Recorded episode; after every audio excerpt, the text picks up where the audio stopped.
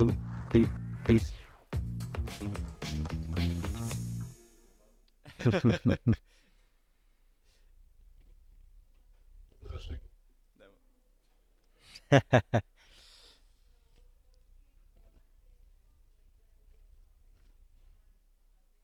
two, three, three.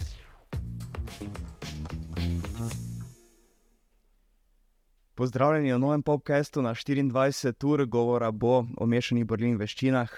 Danes bom gostil Neca Priložnika, Nec, pozdravljen. Pozdravljen, pozdravljen. Nec, za tiste, ki te ne poznajo, si borec, imaš tudi svojo organizacijo, prirejaš borbe. Kako ti se skupaj znese? Kar delaš rad, ni težko. No? Tako kot vedno rečem, mislim, to me je pač neka strast in to delam 24-7, no? v tem živim in ni, ni tako težko, no, ko dejansko delaš nekaj, kar imaš rad. Kako pa je za vse okrog tebe, kako se eh, sprijaznijo s tem, kako težko te ti prenašati, ko si v takem tempu? Pa ja, ok, ampak uh, mislim, da že odkar me poznajo večina ljudi, sem tak že tudi prej, ko še ni bilo tega športa, sem po drugih stvarih bil. Jaz sem vedno olin, nek fanatik, uh, kjerkoli stvar imam, tisto se spravim 100% in pač nek fanatizem je očitno meni. Torej, če te prav razumem, če ne bi bilo tega, bi si pa našel nekaj drugega. Tako je. Ja, ja, ja, definitivno, definitivno. Ampak hvala Bogu, mislim, da je šport prav pot. Uh, poklicali smo te predvsem zato, ker si, če se ne motim, zadnji slovenec, ki se boril na FNC, to je tudi nova organizacija, ki si jo boste lahko ogledali v prenosih na voju. Za kakšno organizacijo gre, če malo opišete za naše gledalce? V bistvu to gre za hrvaško organizacijo Fight Nation Championship. Uh, Mirno vesti lahko rečemo številka ena na Balkanu, najhitreje raztoča organizacija. Uh, uspeli so predvsem z, z Armagedon Ligo v času korone, med tem časom, ki ni bilo nobenega športa, so bistveno, bistveno dvignili na višji nivo. Imeli so za sabo televizijsko hišo 24 Sate, ki jim je zelo pomagala tej, na tej poti. Uh, zdaj pa iz eventa v event bistveno, bistveno rastejo. No, zdaj imajo tale dogodek v nedeljo v Areni Zagreb. To je res, res velika, velika stvar v Areni Zagreb, kar se tiče borilne veščine, so bili samo UFC, KSV in mislim, da KSV finale. Uh, tako da, ja, to je kapaciteta, mislim, da 10-12 tisoč eh, ljudi, tako da velika, velika stvar in velik, velik event nas čaka v nedeljo. Ja, včeraj smo se pogovarjali eh, z Draženom Forgačem, da je, da ne bo celotna dvorana odprta za gledalce. Mm. Pač enostavno to je tako velika dvorana, da je ja. težko, težko napolniti, kaj sve jo je uspel, ampak kaj sve pač. Tako, tako, tako. Hlas, če lahko tako rečemo, kar se tiče MMA ne bo, uh, ne bo povsem odprta, ampak kar bo odprto, pa bo najverjetneje razprodano. Tako da lahko pričakujemo nekaj 6000 gledalcev, parter je poln, kar je za takšno organizacijo za 11 dogodek velik dosežek. Tako, definitivno to je velik, velik dosežek. Vidi se, da imajo neko za sabo, neko, uh, kot bi rekel, fan bazo že ustvarjeno. Hrvaška je itak, fajn narod, uh, celoten Balkan, konc koncev. Dosti ljudi poznamo tudi Slovenijo, ki razmišljajo o tem, da bi šli na dogodek. Delajo, delajo, definitivno delajo v pravi smeri in to je edina prava pot. No. Ti si se boril za njih, boril si se tudi za VFC, boril si se za, za Brave. Če primerjaš vse skupaj, na kakšnem nivoju, na kakšni ravni je to? Jaz mislim, da so, bi mogoče rekel, celo številka ena od vseh teh organizacij res delajo vidi se, da imajo v ekipi izkušene ljudi, ki so že dali nekaj dogodkov skozi, v drugih, da so neki borci bivši in vejo, kaj borec potrebuje, kaj gledalec pričakuje. Načeloma ima vse res lepo posloženo, tako da same pohvale za FNC. Uh, govoril si o areni Zagreb, ki je res ogromna, ampak ti si se pa morda boril še na bolj kultnem prizorišču, lahko rečemo, v znameniti areni v Puli. Kako se boriti tam? Ne, definitivno. Takrat sem si že v pripravi rekel, da med walkoutom, pa tik pred borbo, sem vzel, obljubil sem si, da sem vzel trenutek, da se ozremo okoli okol sebe, ker to je res prekrasen ambient. Ne vem, ne vem če je sploh kjerkoli v Evropi tak ambient za borbe, MMA borbe. Res je bilo polna, polna arena, pula, odlično, ok, vreme je bilo na meji, ampak načeloma toplo je bilo res je bilo perfektno, perfektno zdušeno. Je to nekaj, kar bi si recimo moral dati vsak regijski borec, recimo temu pod tisto listo, da si odkluka, da je krat v karieri se, ja, ja. se boline. Definitivno, no, to, je, to je bila moja v bistvu nek, uh, mislim, bucket list. Bucket list mi je bil najprej Tivoli, najprej uh, Stožice, zdaj še Areno sem dodal, tako da mislim Areno Pulo, tako da ja. Točno, ti si eden Ja. izmed redkih, lahko rečemo, slovencev, ki je vse tri odklukal, ne tudi v Stožicah si se na CFC boril. Ne? Tako je. Tako. Redki so slovenci, ki so se borili v Stožicah v MMA. Ja, dobe sem, tako je, tako je. Pa tudi Arena Zagreb ne, je bila že blizu. Ja. Uh, povej malce več o tem, kaj se je dogajalo. Vem, bomo gle, po, poznamo te kot organizatorja, vemo, kako tudi organizatorji delujejo. Tudi sam veš, da zadnji teden ali pa še en teden predtem je za organizatorje peklenski. Takrat borci največ, borci največ odpadajo in zgodilo se je tudi, da je odpadel borec, morda njihovemu, lahko rečemo, Največji zvezd. ja, naj, naj, naj, najbolj popularnemu borcu Tako. trenutno, Marku Bojkoviču. Tako je. um, Prejšnji teden sem bil kontaktiran strani matchmakerja Ante Juriča. Smo bili v pogovorih uh, za potencialno, da bi vskočil kot zamenjava za Bojkoviča. Spet to je bilo, mislim, popolnoma iskreno, jaz nisem v treningu niti približno na takem nivoju, da bi bil pripravljen za vem, tri runde. Ampak spet je bil ta bucket list isto, kot je bilo pri vseh teh odločitvih mojih. Uh, tako da, ja, dejansko sem bil zainteresiran, ampak je na koncu se, se odločil za eno drugo varianto. Uh, ampak ja, definitivno bilo bi zanimivo, no, še Areno Zagreb odklukati. Ampak povej mi, kako si, si to ti v glavi predstavlja, da bi vse skupaj izpeljal. Uh, ti pripravljaš to soboto, torej dan pred dogodkom. Lahko rečemo, manj kot 24 ur pred samim dogodkom bi se tvoj dogodek zaključil, pripravljaš vikinge v celju, Uh -huh. potem pa si si mislil, boriti v Zagrebu. Kako bi sploh izpeljal, kako bi lahko prišel vem, na vago v Zagreb, pa potem nazaj v celje, pa potem v celju opravil dogodek, pa potem spet nazaj v Zagreb se borite. Na, Ma, ma, ma bi šlo, bi šlo, bi šlo. Ko sem naenkrat brev skozi, s tistim vse ostalo easy. Vse ostalo easy. Tako da, ja, načeloma plan je bil tako, da šel bi v Zagreb na vago zjutraj, šel nazaj na vikinge, spet na večerno vago, spet nazaj na vikinge, večerni del, potem pa v nedeljo na faj. Kakšna bi, bila- bi bila kilaža z Bojkovičem? Bojkovič se bori, do- 70. koliko, si, koliko imaš ti trenutno kilogramov? koliko bi mogel biti? 78, 79. tako Samo to bi bilo krne za. Ma, bi šlo, bi šlo skozi. Če je šlo za pulo, bi šlo to sigurno skozi. Na. Um, govoril si o Brejvu, morda za tiste, ki ne poznajo te zgodbe, nastopil si na Brejvu, kljub pljučnici. Ja, ja, in zanimiva stvar, da ta nasprotnik, ki je Bojkovič odpovedal, je odpovedal zaradi pljučnice, ne, tako da bi pa drug s pljučnico skočil. uh, ja, no, mislim, vse pravim, če sem lahko brez pljučnice oddelal, vse ostalo mi je pač hujše, kot to ne more biti. No, da, tudi če bi zdaj skočil, da imam čez pol ure fajt, ki je boljše kot tisto. Uh, ja, ampak vendarle, tista pljučnica ti je postila nekaj posledic. Ne? Takrat so se tudi že uh, zdravniki opozorili, da če se greš boriti v takšnem stanju, kot si, boš verjetno nosil posledice vse življenje in ti si se odločil, da se boš vendarle boril. Ne vem, to je, mislim, to je pač ta spet moj fanatizem, o katerem smo že govorili. Uh, jaz, ko se nekaj odločim, bom to spelo, pa ne veze posledice, mislim, posledice. Ne veze. Takrat mi je bilo to, ker gledal sem že, ker takrat sem že nekaj par dogodkov tudi z Valhalla organiziral in vem, kakšen stres preživlja zdaj Forgač. Vsi organizatorji v zadnjem tednu, ki ti jo začenjajo odpovedati, borci. Mislim, vse se zgodi, ok, se zgodi, ampak poskuš, poskušaš še vedno spoštovati dogovor, spoštovati pogodbo in priti na borbo, če si se za ne odločil. Razmišljaš, da, da bi kot organizator, ne vem, dva tedna pred dogodkom izklopil telefon in se enostavno ne oglašaš na to, če kdo borbo odpove. Ja, ja, mislim, se tako sem ti rekel, Ja. zdaj le pred podcastom, samo vprašanje, ki bom žgal nazaj telefon, koliko bo odpovedi. Ampak ja, to, pač je, to je zdaj nek, nek del tega, ki ga moraš sprejeti, uh, ko si tem poslom. Uh, ampak če se vseeno dotaknemo tega fight carda FNC, uspeli so za areno pripeljati zelo močne borce, uh, pripeljali so Erslana, uh, Pejča, uh, Trušček se bo spet boril njegova 80. borba, morda še malce, Aha. ja, malce več o tem rečemo pozneje. Uh, Barbir bo spet nastopil, tako da mislim, da so, kar se tiče regijskega, so pobrali skoraj Vse. ne. Tako je, definitivno. Zdaj samo Erslan, Erslan lahko rečemo špica, poltežkaš v Evropi. Uh, tri, boril se rečemo kar, ne. tako, brez, brez neke slabe vesti, boril se je za prvaka, kaj je sve, v bistvu že Dvakrat. dvakrat.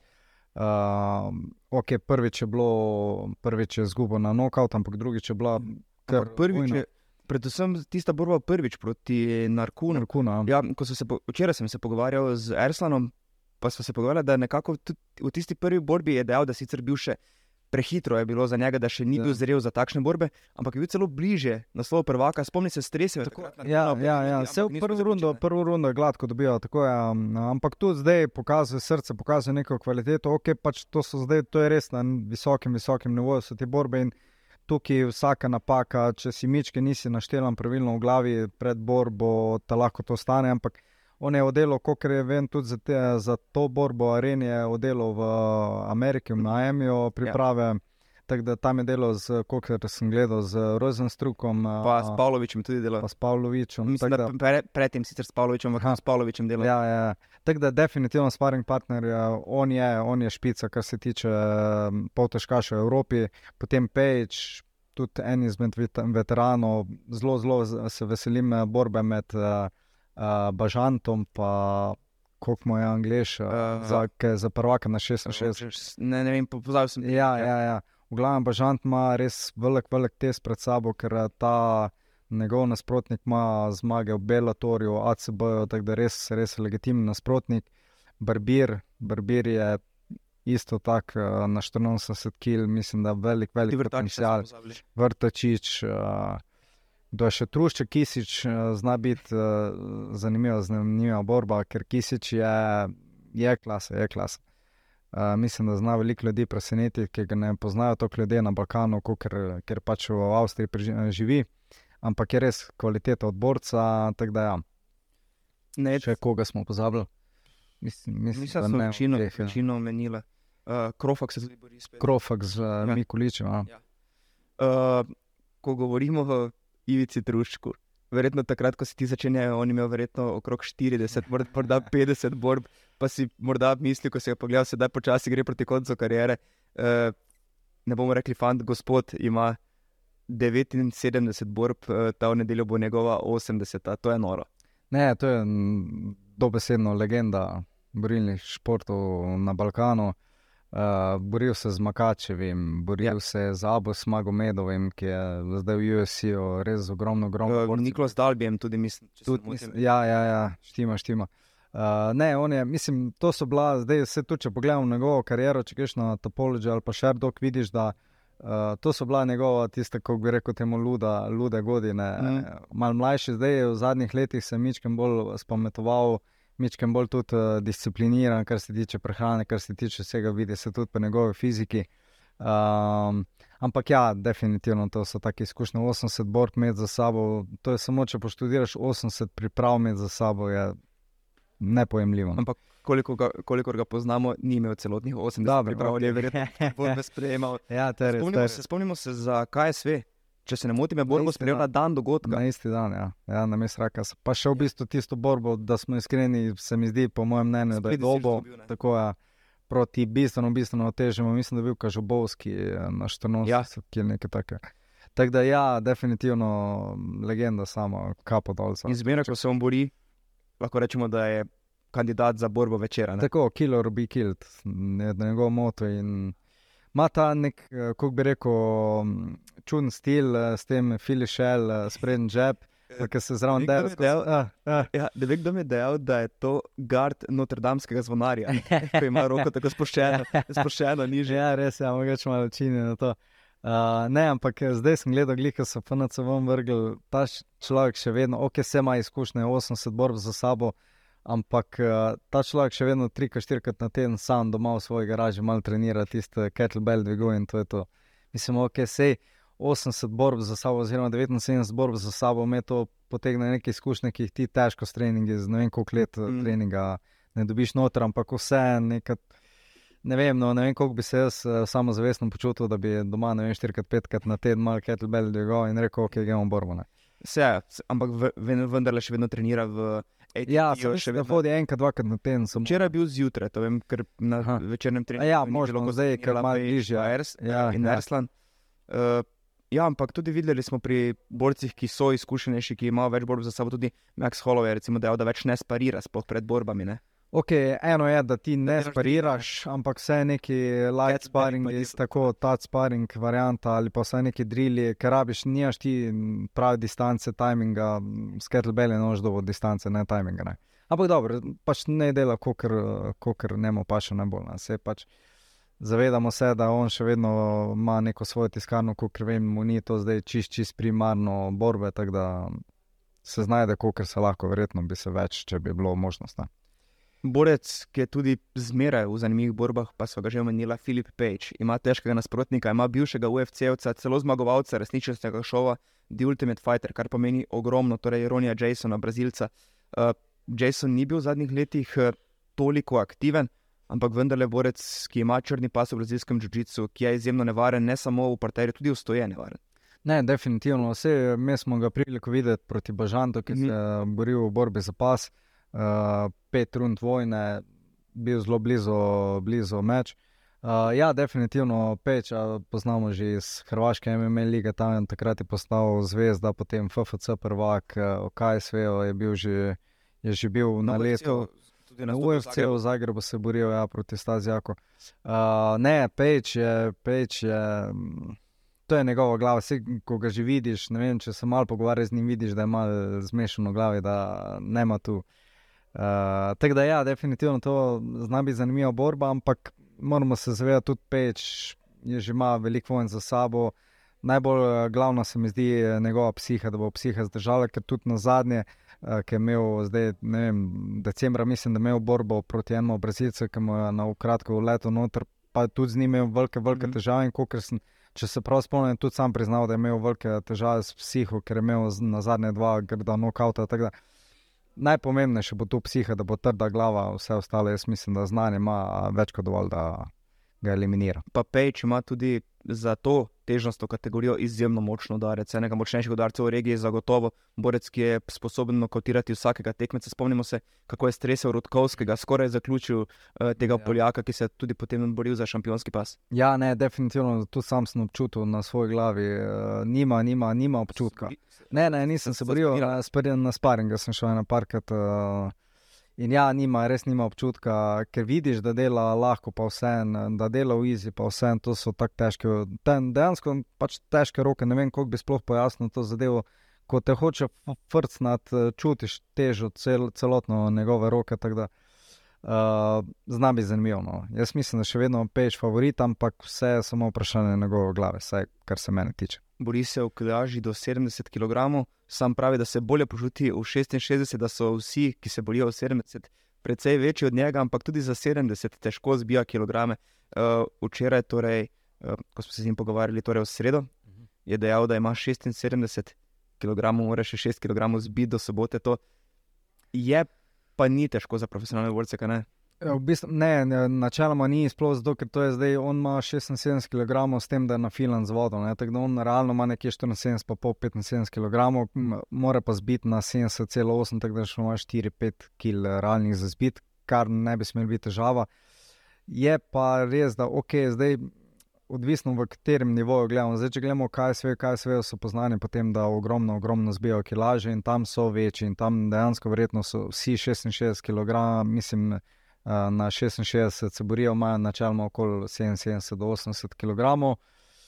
Za Ronnie Jason, ok, se tudi Brazilci so potem znani, ampak jaz mislim, da ne bomo bolj odgovarjali, sploh zdaj na stare leta 70 kategorije, ker uh, s tem, ker on zbija se, lahko on prija na 66 kg, sam s tem dehidrira tok možgane, ki se ne povrnejo ta dehidracija in zaradi tega je tudi bolj dovzeten za nokaute, no, kar se pa tudi. No, to sem te želel vprašati, to, sem, eh, to sva enkrat, mislim, da z Markom Dermoničem govorila med prenosom na voju enega dogodka, ker je bilo vprašanje, ki ga je poslal gledalec.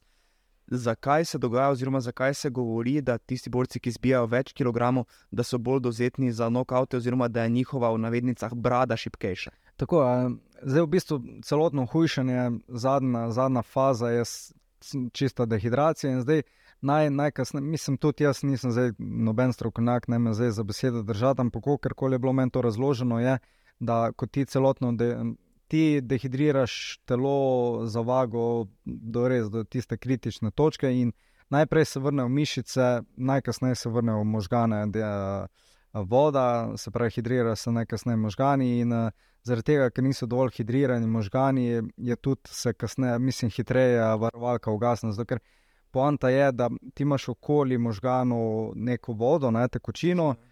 In zdaj, če tako bi si predstavljal, ne vem, če daš ti v, vložen v kozarc noter, ne vem, oreh, zapreš kozarc in streseš. Zdaj, če je veliko vode, lahko bolj udariš, pa se ne bo oreh ob kozarcu udaril, če pa ni nič vode, bo pa na polno odprl te in glizere tega prija do nokauta. Torej, nek blažilec je tekočina, tako, tako, ki je pri zbijanju kilogramov te tekočine enostavno manj Tako, in ni teh enostavno, plačilcev, in tako. potem se hitreje ugasne Tako, tako, ko rečemo. Tako, isto, isti princip je bil recimo Pereira proti Adesani. Mhm. Ni ga to grozen, grozen zadev, ampak Pereira je znan potem, da zbija ogromno, ogromno kilogramov in zdaj tudi iz tega principa dviguje, dviguje uh, kilažo. Tudi če je, kot pravijo, zdravo zbijanje kilogramov, torej da gre brez večjih težav, verjetno ta tekočina se teže povrne. Ne? Tako, definitivno, mislim, nobeno zbijanje ni zdravo, če, zdaj, če smo že čisto iskreni. Ampak Pravijo ja, samo, da je zdrav. Pač. Tako, tako. Zdaj, kolikor je meni znano, traja cirka 36 do 48 ur uh, za možgane, da se vrnejo do neke mere, traja pa par dni, da se do 100% vrnejo. Ne. Hidracija. približno 30 ur. Tako, prej. 30 ur prej. Zdaj pa, ker dejansko 80 ali pa 70% ljudi zbija res do kritične točke, tako da so res, res kritično dehidrirane. Ne. Zdaj nismo nikoli govorili kaj dosti o tem, pa če smo že začela, morda nadaljujeva. Uh, recimo, kar se tiče samega zbijanja kilogramov, da si ljudje lažje predstavljajo, koliko je neka normalna kilaža. Do- vidimo prvak, je recimo, ne vem, Usman je bil do 77 kg, zdaj je Leon Edwards, ne? ampak to so fanti, ki tehtajo 77 kg dvakrat do trikrat na leto, en dan pred Tako. samo borbo. Koliko je realno, recimo, če bi si nekdo želel za sebe predstavljati, da ima recimo 75 kg, če bi se šel boriti, koliko bi bila njegova realna kilaža, v kateri kategoriji bi se moral boriti, da bi nekako bil uh, konkurenčen s svojimi tekmeci. Zdaj, če govorimo o nekem evropskem nivoju, s 75 kg bi rekel, še mogoče mej, na meji, da bi lahko 66 kategorij delal, ampak načeloma 61 kategorij. Recimo Sterling ima cirka 77 kg. Zdaj, odvisno, kdaj imaš ti teh 75 kg. Ali imaš ti 75 kg, ki si na žrt po praznikih, ali imaš ti 75 kg, ki si spucan, ki si v fight campu. Mm. To je bistvena razlika. Ampak vse se, recimo, ne vem, zdaj jaz če s- za sebe govorim, jaz sem cirka 78-80 kg, sem ko sem bil eh, recimo temu v začetku priprav in sem zbil na neki 77-76, pa zadnjih 14 dni na 66 za tistih 20 minut, pa nazaj na. Tako da nazaj v borbi imajo oni ponovadi vedno 15% več. Recimo jaz sem se vedno boril tu nekje 74-75 kg, ker sem šel v borbo. Koliko ima recimo, sedaj človek normalno, tako kot je, recimo, da zdaj, sedi, zdaj sediva, če bi moral zbiti kilograme, da jutri koliko bi jih brez nekih večjih težav zbil. Koliko je recimo vode, koliko je tega, Ja. kar lahko daš iz sebe. Načeloma neki 10% vode lahko daš iz sebe, ampak vse težava je iz danes na jutri zbijati samo zato, ker mi recimo, ko delamo te, uh, ko, ko bi temu rekel, filane z vodo. To je cela, celotna priprava. E, par dni prej si pripravljaš, uh, ven daš iz prehrane uh, popolnoma sol, ker so veže na sebe vodo, uh, pravilne stvari, stvari ješ, tako da se začneš filati z vodo. Recimo tri dni pred vago piješ 10 litrov uh, na dan, potem pa naenkrat in ti dejansko telo spraviš v nek, kako bi temu rekel, splahnovanje. Spravi, skozi hodiš na vece, skozi hodiš na vece, pa pa kaj enkrat nehaš pit. Telo se še ni v bistvu dojel, da okay, ni več toliko vode noter, ampak še vedno hodi, hodi skozi na vece. Ne. To je dosti težko, ampak zato tudi, recimo, če gledate te podcaste, ki imajo v Fight Weeku, doskrat uh, mora iti na vmes pauza na vece, ker pač ne moreš, ker 10 litrov vode noter, neki mora iti ven. ne.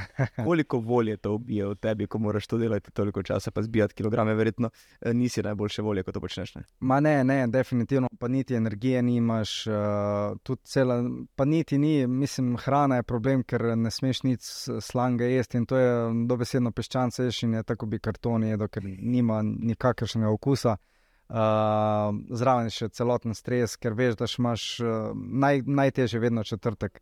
Uh, tako da ja, ampak zdaj. Meni se zdi, da mi je še vedno bilo bistveno težje tistih 8 tednov pred borbo držati isto striktno dieto, ki moraš res skozi paziti, točno si vagati, kaj, ko, kdaj ješ, eh, ko pa tistih zadnjih 3-4 dni že veš, ok, tole 3 dni potrpim, pa imam borbo, pa je fajn. Koliko se je recimo spremenilo to zbijanje kilogramov, sam proces, koliko je napredoval ta proces, odkar si ti začel trenirati, pa do zdaj. Jaz se spomnim, predvsem, ko mi je Želva recimo razlagal, ko je zbijal kilograme, ko se je boril na japonskem, da to je bilo pač Ja, na pamet, da to pač ni, Ja. enostavno niso jedli, da Tako, tako je bilo tako, zbijanje kilogramov. Ne? Ja, ja, ne, to je definitivno to je noč in dan, eh, če pogledamo. Sem, to je, mislim, to so neki malo naredili, eh, te socialne mreže, Mičken so začeli več deliti, to, tudi ker se te, te naše, mislim, te, uh, kako bi rekel, kako se zdaj zbija, so v wrestlerju v Ameriki že poznali zdavni. Ne. Sam to so pač neki v teh grupih bili, oni so znali to delati, to, ker so neke s tem Epsom, s ljudmi in tako naprej. Ampak načeloma ni to neka grozna, grozna znanost, ampak mislim. Za neko osnovno uh, zbijanje kilogramov, ampak ja, ni bilo to poznano, sploh po Sloveniji ni bilo, zdaj, ker mi nimamo nobene kulture tega, tudi v judo, nikoli ni bilo tega zbijanja, kar je naša pač neka, rečemo, primarna borilna veščina, sploh uh, včasih bila. Uh, tako da ja, včasih je bilo to, tudi jaz se spomnim za tiste prve amaterske borbe, to je bilo dobesedno hiranje, samo hrana. Ne. Zdaj pa dejansko ti še dva dni ali pa zadnji dan še ješ dva, tri obroka, sicer manjša, ampak še vedno ješ, najbolje je samo manipulacija vode. Uh, zdaj smo govorili, koliko kilogramov zbiješ kot borec. Koliko kilogramov pa zadnja dva tedna zbiješ kot organizator? ja, mislim, da. Mislim, Le zdaj, ko sem to lepo imel, sem si rekel, kaj meni bo še, bo desetkrat bo še biti borec, ker ni tega stresa. Takrat se samo za sebe brigaš, samo od sebe si odvisen, zdaj si odvisen od vem, 20-30 ljudi, koliko se jih tam bori, plus vsa ostala uh, organizacija, produkcija, ki je še zadnji. Uh, ja, definitivno. Okay, na, za zdravje je to katastrofa, ne? stres, neprespanost. Ampak da, fanatizem, ne kaj smo. Eh, vem, da se zavedaš, da je to biznis, ne? ampak vendarle, kako ti tudi kot organizatorju uh, gledate borbe z veliko temi fanti, navežeš osebne stike, si z njimi prijatelj. Vem, da ne smeš navijati za kogarkoli, ne? ampak vendarle, verjetno ti je včasih tudi težko gledati z tega poslovnega vidika, da ne gledaš kot tisti, kot človek, kot njihov prijatelj, kot uh, nekdo, ki ti je blizu. Ne? Tako ja, je težko, noč ne rečem. Vse priznam, tudi včasih me sploh na štirki, mislim, da me na parkrat ponesel. Uh, sem pa glih iz tega principa dal vso sojenje v tuje roke, da smo v Hrvaški uniji, da oni to sodijo, tako da jaz dejansko nimam nobenega vpliva na to, kako se borba razvija v kletki, tukaj smo dvignili roke stran. Uh, so pa mešani občutki, ja, definitivno. Tudi, recimo, Štiglic, ki je imel proti Sinanju, ki je zdaj tudi, recimo, podpisan s PNC-om, uh, res, res velik potencial. Mi je bilo težko gledati, ampak tako je športno, enkrat zmagaš, enkrat zgubiš, nimaš tukaj. Zaneslo te samo pri Stašune. Ok, ok, to je dobro, ampak takrat sem bil kot nek resnični. To je res, ne, ne bi se mogel zadržati. Uh, tudi Elk Stevens si zameril. Ne? Tako je. Ja. Mislim, da je konec koncev tako sem bil v kotu, tako da ni ja. bil zdaj kot neka tretja oseba, oziroma četrta tam uh, ob kletki. Uh, ja, ampak dejansko težko, težko se zadržati, ker tudi sam sem bil borc in vem, kaj, kaj doživljaš noter, ki grejo proti kletki, kaj doživljaš tik preden se borba začne, kaj doživljaš, če zmagaš pod neki težki borbi. To so taki občutki, ki jih 95% ljudi nikoli ne bo doživelo. Omenila sva Staša, veva, da si pogledal tole, ne? a ga boš spravil nazaj, da se bo boril. VFN 7. VFN 7. VFN 7. Ne vem, jaz pač vedno pravim, da je to fant, ki me je navdušil. To je bil prvi dogodek, ki, smo, ki sem ga takrat komentiral, pa me je navdušil, pa bi ga še rad videl. Takrat je pripravil izjemno borbo proti Aleksu Stevensu. In ne samo zato, ker je navdušil takrat, ampak s komerkoli se pogovarjam iz kroga MMA v Sloveniji, vsi ga hvalijo, vsi so dejali, kako dober je, kako uh, zelo talentiran je. Ne, ne, definitivno on je, jaz bi rekel, mogoče celo največji potencial v Sloveniji. Uh, vse se pogovarjamo, zdaj se že nekaj časa pogovarjamo. Jaz mislim, da se bo, ampak to je zdaj njegova odločitev. On je dovolj star, sam se mora odločiti. Uh, Koker ga poznam, koker ga vidim, vidim, da ga srbi. Ampak so tu neke pač druge stvari v življenju, ki si jih moraš popredalčkati, po da veš, če se lahko to spustiš ali ne. Ampak jaz mislim, da jesen ga lahko pričakujete. Odlično. Uh, še kar sem želel dejati, ko si omenjal sojenje. Eh, predal si sojenje Hrvatom, torej hrvaški sodniki sodijo. In vse, kar se jaz spomnim na teh treh zadnjih dogodkih, mislim, da ni bilo praktično primera, ko bi lahko dejali, da je šlo za veliko sodniško napako, da bi lahko dejali, da je šlo, kot pravijo, vem, za krajo, kot mhm. veliko krat slišimo pri UFC-u. Bile so tesne sodniške odločitve, ki bi lahko šle na eno ali na drugo stran, ampak ni bilo te odločitve, da bi bil borec, recimo, okay. zdominiran, pa bi na koncu zmagal. Ne, definitivno same pohvale glede eh, Hrvaške eh, zveze sodniške, dela res odlično delo Aleksandr Zorič, Nikola Čuljat, eh, tudi FNC oni sodijo. Ima za sabo že res neko kilometrino in to je neka stvar, jaz mislim, da je manjkala v Sloveniji, tudi vsem ostalim organizacijam, ker težko je, če imaš ti neke svoje sodnike, vedno ti bo čital, da si pristranski, da sodi za svoje, da štimaš ta, rečemo temu, kako pravijo, boks kuhna. Um, jaz mislim, da te stigme pri nas ni, no, res dela odlično delo. Tudi če pogledamo, recimo, teh te, ne, tesnih sodniških odločitvah, se mi zdi, da so celo večkrat naši izgubili, kot pa zmagali, mm. recimo na Valhali. Uh, vedno bo prihajalo do nekih teh tesnih sodniških odločitev, ki se ljudje ne bojo strinjali, ampak to je tako tesna borba, da nikakor temu ne moreš reči kraj, ker pač še vedno je sojenje subjektivna stvar. To je pač težava MMA-ja, uh, posod, UFC, posod imamo te afere sodniške. Prihaja do napak, še vedno se moramo zavedati, da sodniki so še vedno samo ljudje, vsak vidi svojega zornega kota. Popolnoma druga borba je, ki ti gledaš iz enega zornega kota ob kletki, kot pa ti gledaš na televiziji. Ogromno krat bo tudi sam sodnik rekel: Ok, ker sem pogledal na, na posnetku, eh, ok, zdaj vidim, zakaj je tako, jaz sem to čist drugače videl. To so pa stvari, moramo, na, na katere ne moremo vplivati, vse posod tako. No. Uh, tri borbe, ki se jaz spomnim, da so bile tako tesne, pa da, ko si omenjal je na zadnjem dogodku bila krava Rik Kelc, tako. pa Vičer tudi proti, kako je že bilo, uh, Molnarju. Molnar, uh, pa na predzadnjem dogodku Krančan in Nozadze. Tako, to so, to so tako, tri borbe, tako. ki so bile tako tesne, ampak, ki so še ena sodniška odločitev. Tako, ampak vse, jaz mislim, da na koncu, ko sem pogledal te borbe, pri vseh se mi zdi, ok, odločitev ali bi lahko drugo smer, to kot smo že rekli, lahko bi, ampak zdaj to je pač nekaj, kaj kdo bolj preferira, katero stvar. Ne. Je pa težko ostati objektiven, uh, sploh recimo te navijači, normalno bo gledal. Zato, ker ti je, recimo, če pogledaš eno borbo. Karikiram, kraveri Kelc. Če se postaviš in gledaš samo, kaj Kelc dela, pa boš tako točkoval, se ti bo zdelo, da je Kelc zmagal. Pogledaš drugič, pa poskušaš subjektivno za kraverika sodi, pa gledati samo, kaj on dela, pa se ti bo zdelo, da kraverik zmaguje. Težko je, to so tako blizu borbe, da mm, kamorkoli daš, je pošteno. No. Ja, ko so govorili o FNC, omenil si Armagedon, ti amaterski turniri, nekaj podobnega, sedaj, sedaj se lotevate tudi pri Valhali, Vikingi, ki prihajajo v soboto. Lahko malo opišete, za kakšen koncept, za kakšen princip gre. Tako, tako. To je v bistvu platforma turnirjev, to bo sistem štirih turnirjev skozi leto. Na vsakem turnirju se v, bistvu odvija celoten turnir do konca. Recimo Armagedon ima tako, da se ima en dogodek, četrt finala, naslednji dogodek, pol finala, potem finala. Trije dogodki, pri nas bo to vse v enem večeru, plus eh, super borbe na koncu. Uh, to je neka platforma, s katero mi želimo razviti borce. Uh, da se v bistvu spoznajo z, z borbo, da se spoznajo s kamero, da jih mi lahko recimo, že začnemo promovirati na teh najnižjih nivojih. Dobili bodo vsi zmagovalci Vikingov možnost podpisa pogodbe z VFN-om za, rečemo temu, development deal oziroma, kako bi rekel, razvojni program, kjer bomo mi skozi celotno Valhalo uh, dopeljali do največjih organizacij, se pravi profesionalne vode, prepeljali do vseh in potem iz tega, ne vem, Octagon, UFC in tako naprej. Uh, ampak to so potem pogodbe, gre za recimo amatersko pogodbo, da se še zmeraj borijo v amaterski konkurenci. Tako. Eh, torej, se mi pravi, ali gre za profesionalno pogodbo, kakor, ne, verjetno, kako se borec odloči. Uh, ne, v bistvu tako je. Zdaj te amaterje mi podpišemo na razvojni program.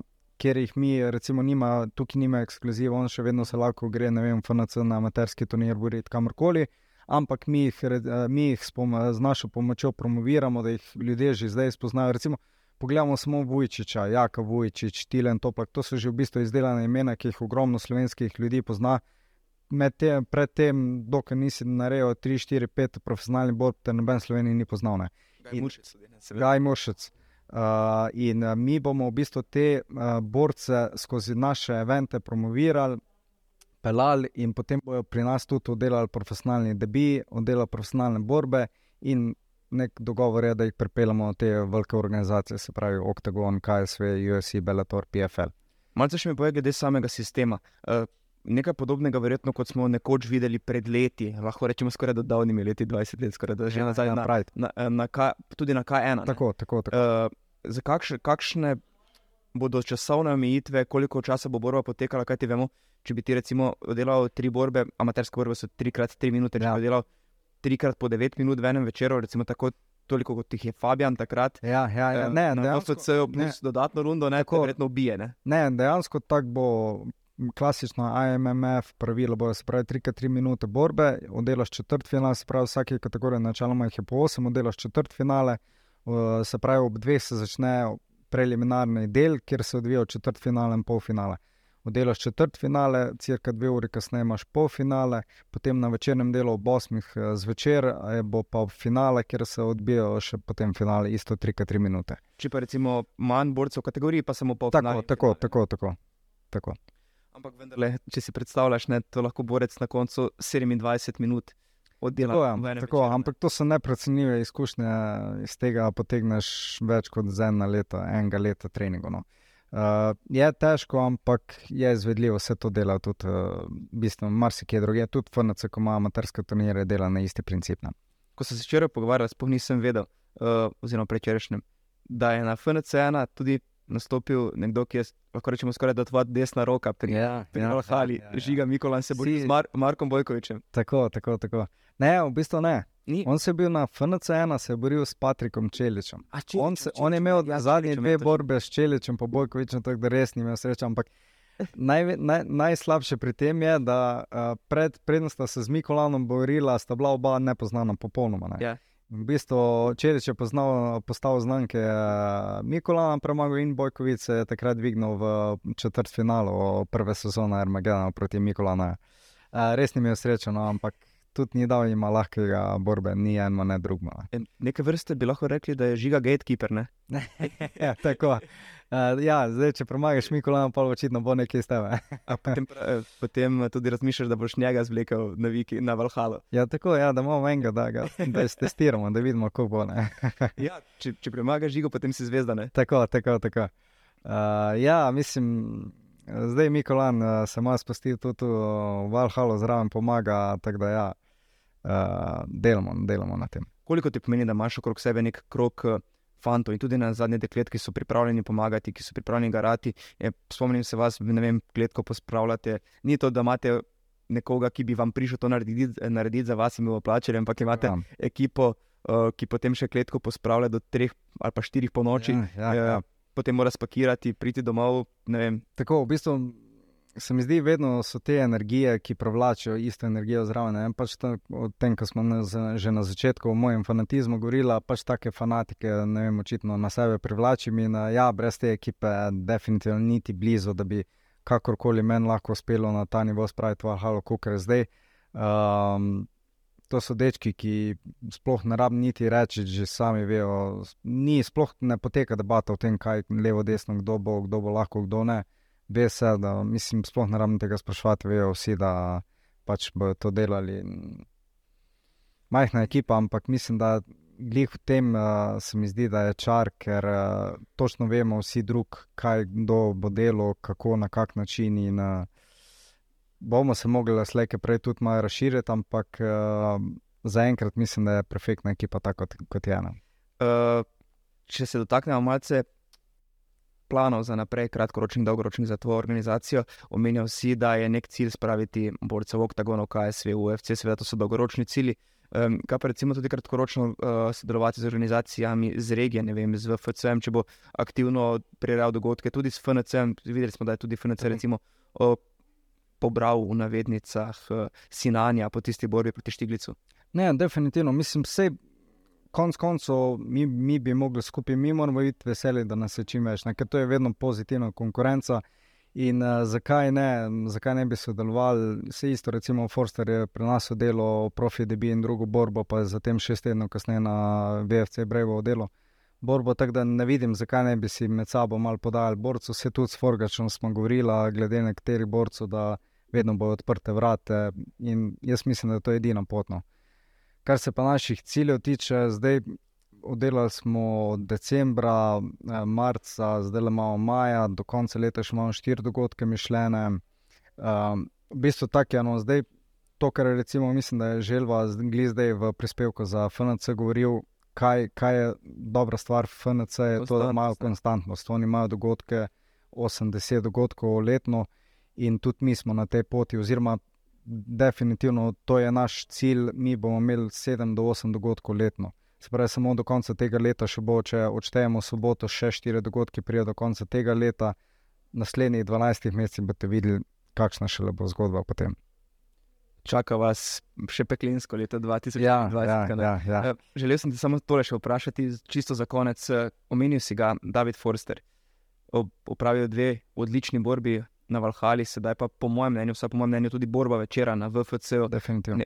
Uvodna borba dogodka, mislim, da je to eden izmed večjih potencijalov, ki jih premoremo trenutno. Definitivno. Vse v bistvu on se je tudi na prvi Valhali boril, že takrat smo ga začeli. Že takrat po prvi borbi smo videli, da vidimo nek potencijal v njemu, ker je res uh, glava na mestu, pravi predispozicije ima.